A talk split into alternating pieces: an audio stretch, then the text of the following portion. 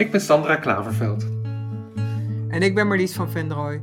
Sandra en ik kennen elkaar van vroeger en we waren elkaar uit het oog verloren. En nu, 30 jaar later, zijn we weer in contact met elkaar. Sandra vertelde mij dat zij een transitie heeft doorgemaakt van man naar vrouw. We hebben besloten om er een podcast van te maken. Zijn wie je geworden bent, met hierover in gesprek te gaan. We bespreken hoe zo'n transitietraject eruit ziet en waar ik allemaal tegenaan gelopen ben. De kansen die het me heeft gegeven en hoe het nu met me gaat. Ook andere onderwerpen die we beide interessant vinden als diversiteit, uit je comfortzone stappen en het man-vrouw thema komen aan bod. Ik ben enorm benieuwd hoe Sandra deze grote verandering in haar leven heeft beleefd en wat het heeft betekend voor haar om zo lang te leven als man terwijl zij van binnen altijd al vrouw was. Luister naar deze boeiende, soms ontroerende en grappige podcast Zijn wie je geworden bent.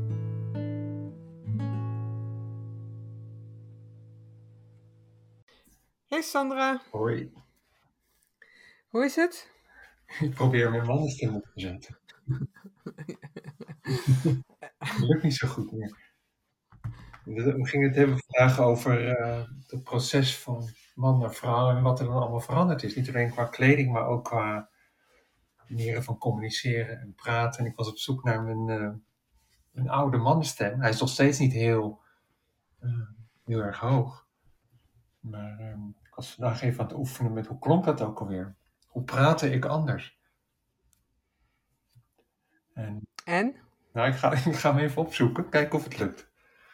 Ehm, want in dat hele proces van, eh, eh, van, van man naar vrouw heb ik echt op een hele andere manier leren communiceren.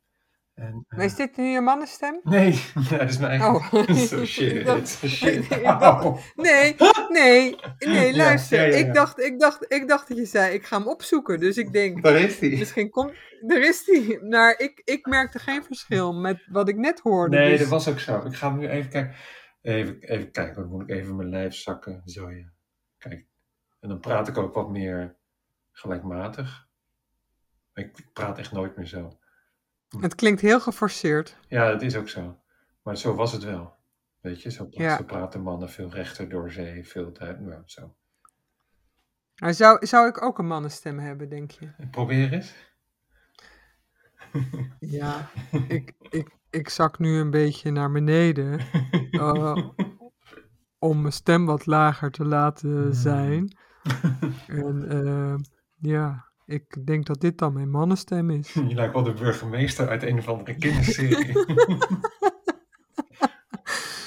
Ja, maar wij gaan het inderdaad ook hebben over jouw veranderingsproces. En Ja. je stem is natuurlijk een, een onderdeel daarvan. Van wat moet je opnieuw leren? Ja, zeker. Ja. ja. En eh, nou, misschien kunnen we dan beginnen. Ja, ja, even over het, het, eh, even in de transitie in het algemeen. Het is natuurlijk niet alleen maar andere kleding aantrekken. Het is, eh, het is gedaan. Het hele sociale aspect is ontzettend belangrijk. We hebben het natuurlijk ook over de, het veranderingsproces. Niet alleen qua kleding, dat is dan het meest duidelijke. Maar het is ook de manier waarop ik loop, waarop ik praat, waarop ik de manier waarop ik communiceer. Ehm, ja, ik heb het allemaal moeten ontdekken. Wat mogelijk is met mijn lichaam en mijn stem. eh, wat niet mogelijk is. eh, wat passend is. Wat ook natuurlijk is. En ja, gedurende mijn transitie heb ik daar eh, een hele reis in gemaakt. Maar was het al aanwezig eh, toen je nog een mannenlichaam had? Als wat Want aanwezig. toen was je... je was toen al vrouw. Ja, Maar met betrekking tot gedragingen, met betrekking tot houding. nou, kijk, ik Had praat. je bijvoorbeeld, Ja. had je bijvoorbeeld andere behoeftes om je te gedragen, maar dacht je dat is te vrouwelijk, dus dat kan ik niet doen als man? Ja, zeker, zeker. Ik, ehm, kijk, bijvoorbeeld op feestjes had ik al grote moeite om daar bij de mannen te zitten, die dan toch op een andere manier communiceren. Toch over, ook toch veel over eh, sport hebben en over auto's. En ja, het is echt, alle clichés komen nu naar boven. Maar het is wel een beetje zo. En eh, ehm, als een man met mannen communiceren heeft ook iets heel prettigs, heel duidelijks en snel. Eh, maar het is gewoon niet wie ik ben. En eh, ik vind het leuker om te praten over, over de kinderen en over het leven en eh, dat soort dingen. Dus dat, dat is er altijd al geweest. Dat is er altijd al geweest. Maar mijn stem, die, daar heb ik echt mee eh, geoefend. En ehm, Ben je naar een logopedist geweest of een nou, ik, heb stemtherapeut? het, ja, ik ben één keer geweest. En ik heb het, het via YouTube filmpjes heb ik het eh, geoefend. En wat ik vooral heb geoefend is ehm, een andere intonatie leggen in mijn stem. En, eh, en wat minder mijn klankkast gebruiken. Want ik heb natuurlijk, ik denk, lange, lange stembanden. Waardoor ik een, een, een zware echo kan krijgen als ik dat wil. Ehm, waardoor ik heel diep kan praten. En dat heb ik ja, behoorlijk afgeleerd. Ik probeerde het net te doen, maar het ging niet helemaal goed, geloof ik. Eh, maar ik ben het zo helemaal niet meer gewend.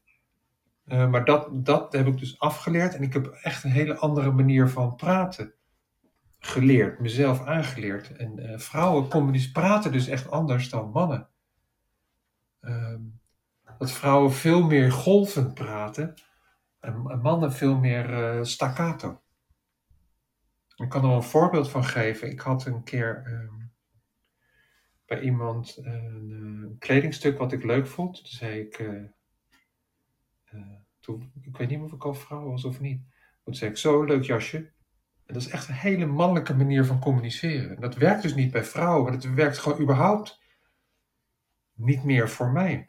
Weet je, terwijl vrouwen praten meer van, oh, een leuk jasje, waar heb je die vandaan, la la la la la la Weet je, dat danst veel meer.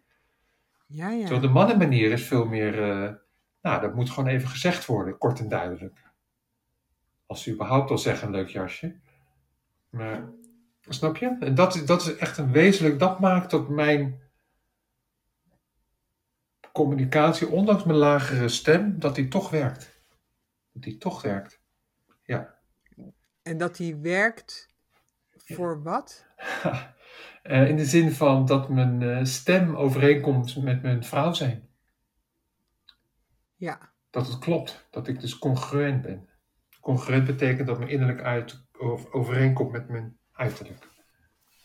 ja. Ja, dat, dat is eh, heel fijn. Dus met dat praten ben ik redelijk tevreden over. Ik zou graag willen dat mijn stem wat hoger was. Eh, maar het is niet anders. Het is wat het is. Eh, Ja. En je weet dat Margaret Thatcher, dat er een verhaal de ronde gaat dat zij expres lager is gaan praten om meer geloofwaardig te worden. Ja, dat geloof ik zo. Nee. Ja.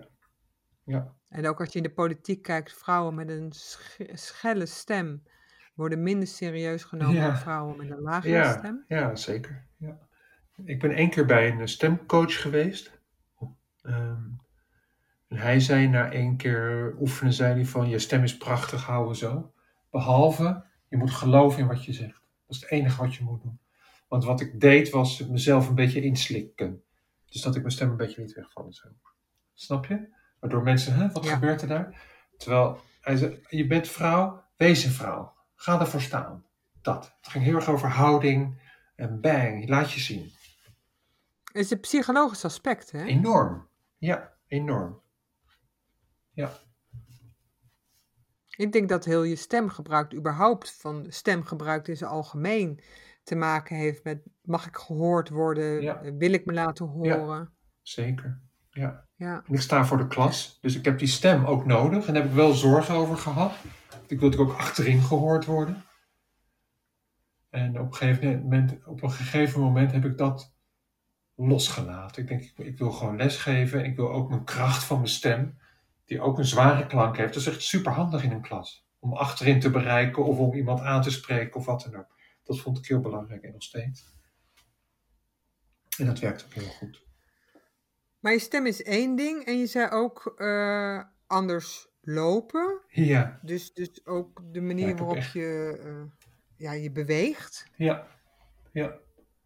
Ehm, ja, dat is ook een hele grote eh, in verandering geweest. Dat eh, als vrouw neem ik kleinere passen. Klein, echt kleinere passen. Ik heb lange benen, dus ik kan hele grote bonken, bonken, bonken zo over straat lopen als ik wil. Kleine passen helpt, waardoor het ook wat eleganter eruit ziet. Je kan je voorstellen, je kunt je voorstellen dat met grote passen, dat het er ook wat eh, ruwer allemaal uitziet. Mhm. En met kleinere passen is het allemaal wat eh, genuanceerder wat, en dus vrouwelijker. En ligt het ook aan de soort schoenen die je draagt? Want mijn ervaring is, met hakken Ja, kan je niet van die hele grote passen nemen. nee, nee dat helpt enorm. Trippel, trippel, trippel op elegante schoentjes is natuurlijk makkelijker dan eh, op een paar gimpen. Makkelijker. Ma- makkelijker om vrouwelijker te lopen. Ja, dan moet je want het, het, wel. lo- Ja, het, loopt, het loopt namelijk niet makkelijk. nee, nee, ik weet het. Nee. Nee. Ja. Maar dat, En heb nog ik, meer dingen? nou ja, dat, heb ik, dat lopen heb ik dus echt geoefend voor de spiegel. Eh, een grote zaal heb ik dat geoefend met een, eh, met een transvrouw om eh, te kijken hoe ik dan moet lopen. En wat er dan gebeurt en of ik met mijn heupen moet zwaaien of niet en waar ik dan mijn armen laat. En dat is echt, echt wezenlijk anders. Lopen. Want als man, ja, weet je, dan hangen je arm. Bij mij hingen mijn armen gewoon een beetje langs mijn lijf en liep ik gewoon een beetje zo ingezakt, zeg maar. En als vrouw loop ik meer rechtop, meer trots, borsten vooruit. Hier ben ik. Gek genoeg, ja. Het is zo gek omdat ik alsmaar die clichés in mijn hoofd heb zitten. Waar ik dan toch een beetje op terecht kom als ik het heb over mijn transitie en eh, het passabel zijn van hoe, hoe loop je, hoe, tenminste hoe loop ik, hoe heb ik leren lopen, hoe heb ik me leren kleden, hoe heb ik leren praten. Dat er al die clichés zo naar voren komen. Van hoe een vrouw... En welke clichés zitten Nou. dan met betrekking tot lopen? Nou, kleine pasjes, een beetje koket zijn, een beetje ehm, niet te stoer zijn, aantrekkelijk zijn, mooi zijn. Weet je, dat eh, niet grof zijn. Dat zijn natuurlijk beelden die bij vrouwelijkheid horen en niet zozeer bij mannelijkheid.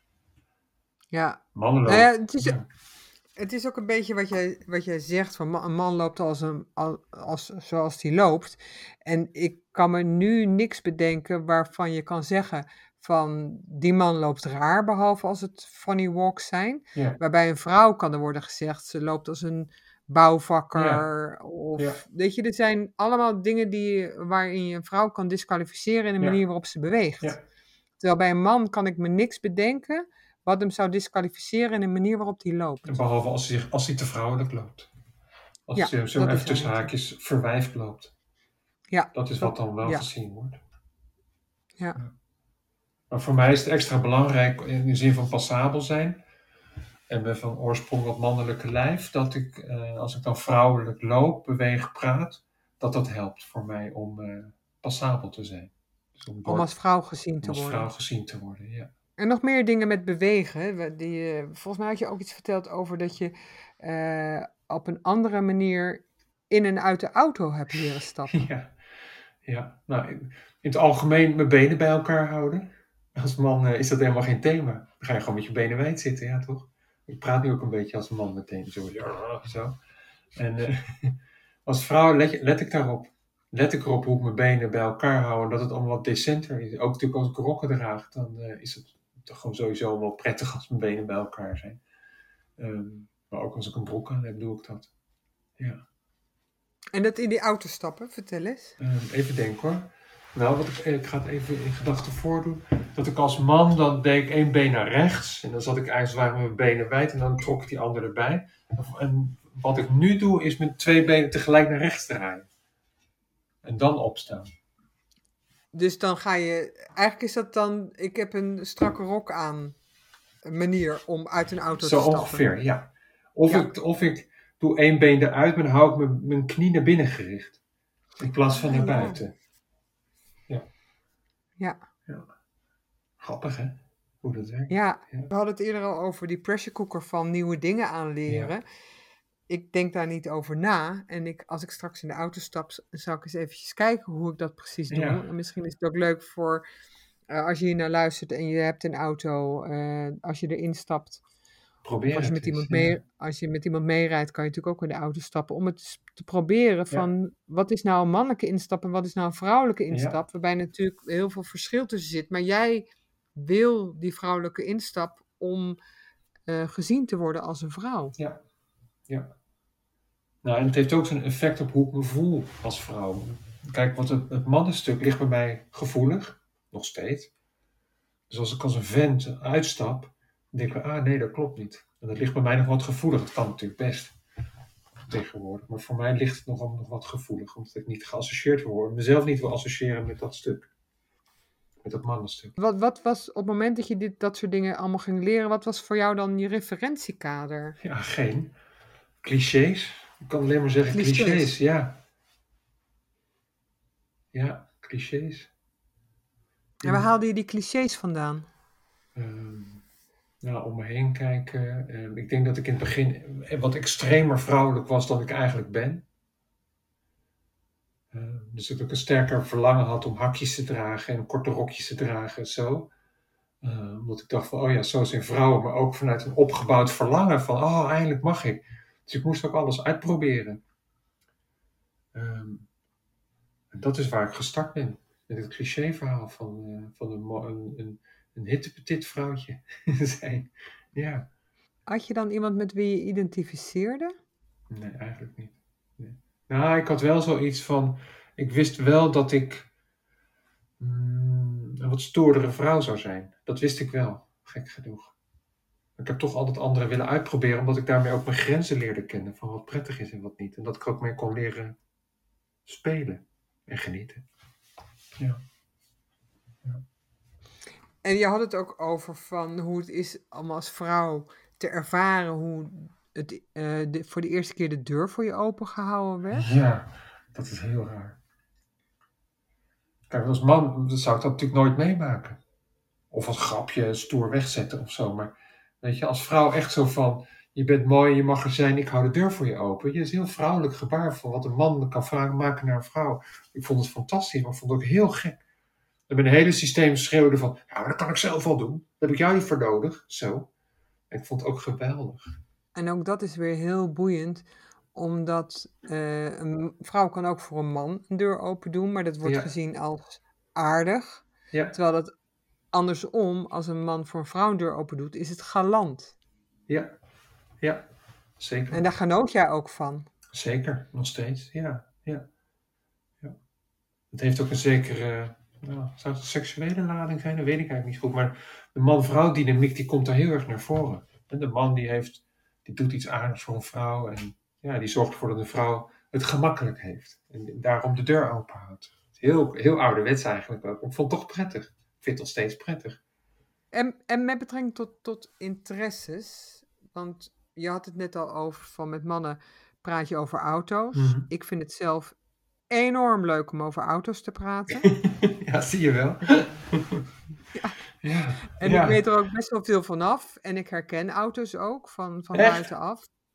Nou, ik had ook al niks met auto's, dus dat maakt het voor mij al wat makkelijker. Ehm, maar ik vond het wel een heel groot feest dat, dat ik mijn communicatie met vrouwen zoveel makkelijker ging. En dat ik zoveel meer herkenning had met hoe ik mijn leven zie en hoe ik communiceer en hoe ik me dus ook prettig voel bij vrouwen. En vrouwen, omdat ik vrouw was, me ook toelieten. Ehm, en dat ik dus niet meer bij het mannenclubje hoefde te zitten of aan te schuiven, maar dat ik met vrouwen kon praten over kleding, kinderen, uh, nou ja, ja, relaties, dat soort dingen. Ja. En dat vond ik heel erg prettig. En uh, dat kon ik daarvoor ook wel doen. Het verschil is dat het nu, nu was ik ook een vrouw, of nu ben ik ook een vrouw, waardoor dat beter klopt of zo. Ja. ja, en ik kan me dan ook voorstellen dat als je dan met een vrouw gaat winkelen, dat het een andere dynamiek is dan als je als um, in een mannelijke hoedanigheid met een vrouw gaat winkelen. Het is zo fijn om te winkelen nu. Het is zo, oh, ik, ik, ik, weet nog hoe ik haatte om ook op zo'n bankje te moeten gaan zitten wachten tot de vrouw, tot een vrouw klaar was met winkelen. Dat er ook zo'n andere man met een tas tussen zijn benen zat te wachten tot de vrouw klaar was. Dat je elkaar dan zo schaapachtig aankijkt. dat is wat mannen doen. En uh, ja. oh, ik ben zo blij, blij, dat ik dat niet meer hoef. Zo fijn. Daarom moet, daarom moet er een ballenbak komen voor mannen. een ballenbak, ja. ja. Dat is wat te doen hebben. Dan parkeren we de mannen in de ballenbak. Ja. Ja. ja. maar dat is enorm veranderd. Ik vond ook zo'n feest dat ik ehm, ehm, voor het eerst gewoon naar de vrouwenafdeling kon voor kleding. Weet je, bij mannen is alles blauw, bruin, zwart. Echt helemaal niks aan, hè? En uh, bij de vrouwen werd het pas echt leuk. Dat heb ik altijd al gevonden, maar ik kon er natuurlijk helemaal niks mee. En uh, nou, toen ik helemaal als vrouw ging leven, kon dat wel. En toen was ik daar bij die rekken en ik, ja, wat nu? Wat nu? Wat moet, moet ik maar passen, proberen, uitvogelen, mijn eigen stijl gaan ontdekken? Ja. En uh, ik heb er helemaal veel steun gehad van vrouwen, van mijn partner toen en ook van andere vrouwen. Om dat te gaan ontdekken, om te kijken wat staat en wat niet. Ook dat moest ik allemaal leren. Ja, heel leuk proces. Echt een heel erg leuk proces. Nog steeds. Ja. In hoeverre volg jij dan ook de mode? Want nu zijn eh, oversized pakken, felle kleuren, dat is nu mode. Zou je, daar dan, eh, zou je dat dan aan gaan passen? Nee, niet echt. Ik, ik weet dat deze zomer was, waren allerlei al die, uh, die, die, zachte kleuren waren, waren in de mode. Ik vind het echt verschrikkelijk. Dat zacht geel, dat lichtblauw en dat een beetje oranjige en zo. Echt heel leuk. Daar ga ik niet aan beginnen. Nee. Nee. nee. Maar het is natuurlijk heel gek dat in het begin moest ik echt vogelen. Ik dacht, ja, wat staat nou eigenlijk? Hoe moet dat? Wat moet ik aan en waar koop ik dat? En, uh, en uh, ik heb heel veel, ik heb natuurlijk helemaal van nul af aan een nieuwe garderobe opgebouwd. Heel veel schoenen gekocht en heel veel kleding gekocht. En, uh, ja. ja. En, dat ik en ook, ook weer en ook miskopen gedaan, omdat dingen toch eigenlijk niet bij jouw stijl past? Ja, miskopen gedaan. Maar ook veel, met name schoenen gekocht die ik dan één, twee keer dragen, die ik dan niet weg wil doen, dat het toch fijn is om ze te hebben. voor als ik ze nog een keer ga dragen. Dat is ook nieuw. Mannen dragen vooral functioneel kleding. Een paar, een paar of drie schoenen, drie paar schoenen of zo. En dan voor de, daar red je het verder wel mee. Voor mij werkt dat nu echt heel anders. Dat het gewoon heel leuk is om te winkelen. En dat ik heel leuk vind om iets erbij te hebben. Al heb ik genoeg, nou, dat soort dingen. Wat voor ook een openbaring was, is dat, dat um, kleding niet altijd functioneel is. In de zin van warm of koud, of uh, handig of niet handig. Dat, daar kom ik vandaan als man. Omdat ik ook vestjes had die dan eigenlijk dun zijn of helemaal niet handig, maar die dan wel leuk staan bijvoorbeeld. En die ik dan kan combineren met iets anders eronder of erover of wat dan ook. Dat heb ik ook echt moeten leren. Ja. Erg interessant. Ja. ja. ja. ja. Waarbij er waarschijnlijk ook mannen zijn die uh, op een andere manier naar kleding kijken. Maar dat is in ieder geval, dit is jouw proces geweest. Ja, zeker. Ja. ja. En uh, met betrekking tot het, het, het vrouwelijke, uh, ik denk dat dat ook nog wel een aparte podcast kan worden. Maar ook hoe je benaderd wordt door andere vrouwen en door andere mannen. denk ik ook dat dat we daar ook nog wel verder op in kunnen gaan. Hoe, wat voor verschil je daarin hebt uh, ervaren. Ja, ik kan ja dat, dat, is zeker nog een uh, aparte podcast waard. Ik kan er nu wel iets over zeggen. Het is namelijk enorm veranderd. Um, dat op het moment dat ik als vrouw ging leven, bijna op de dag af, hoorde ik niet meer bij de mannen. Ik hoorde er gewoon niet meer bij. En ik weet nog dat ik met twee mannen terugliep van een vergadering. En ik, vanuit mijn oude gewoonte liep ik een beetje honkenbonken naast ze. En ik maakte een grap en ze keken me echt zo aan van, wat doe jij nou? Weet je, het was echt dat mannenstuk, dat werkte helemaal niet meer bij hen. Ik was echt uit, buitengesloten. En andersom heb ik het ook gemerkt, op het moment dat ik als vrouw ging leven, dat ik binnengelaten werd in de wereld die vrouw zijn heet.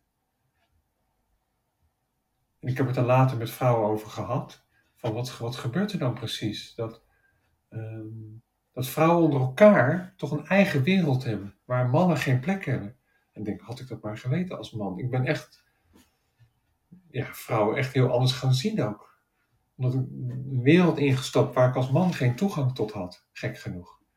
Dat vrouwen anders met elkaar communiceren, andere onderwerpen bespreken, kwetsbaarder zijn, vrijer zijn.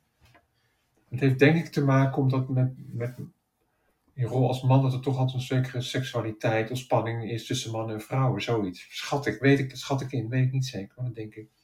Maar ik denk de kern van, van deze podcast is uh, uh, hoe jij uh, als vrouw vorm hebt moeten geven aan je uiterlijk ja. en aan je manier van handelen. Ja. En dat je hebt gemerkt dat je meer gelijkgestemd was met de interesses van de vrouwen om je heen. En dat het als een soort thuiskomen voelde. Ja, zeker. Ja.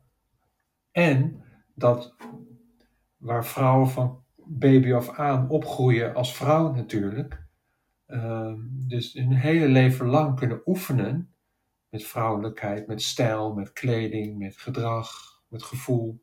Waar ik in no time als volwassen persoon was dan ruim ve- over de 40, dat opeens allemaal moest gaan ontdekken. Terwijl de gevoelens die ik had en de euforie en de, oh ja, het mag en leuk en hoe ging Terwijl dat niet aansloot eigenlijk bij hoe, hoe mijn leven er op dat moment uitzag. Begrijp je wat ik En wat bedoel je met hoe, hoe je leven er op dat moment Nou ja, ik was natuurlijk gewoon een ouder met een kind en een baan en vrienden. En opeens kreeg ik gevoelens van, oh, ik- ben een vrouw en ik kan als vrouw gaan leven. Wat moet ik aan? Weet je? En oh, kijk nou toch eens, als ik dit aan heb, gebeurt er dit. Weet je, maar dat zijn eigenlijk vrij, nou, nog, nog niet eens puber, maar dat zijn kinderlijke ge- ervaringen. Omdat ik heb gemerkt dat ik dat hele vrouw zijn, ehm, ja, biologische vrouw dus een hele jeugd voor hebben, dat ik dat binnen een paar jaar doorgewerkt heb.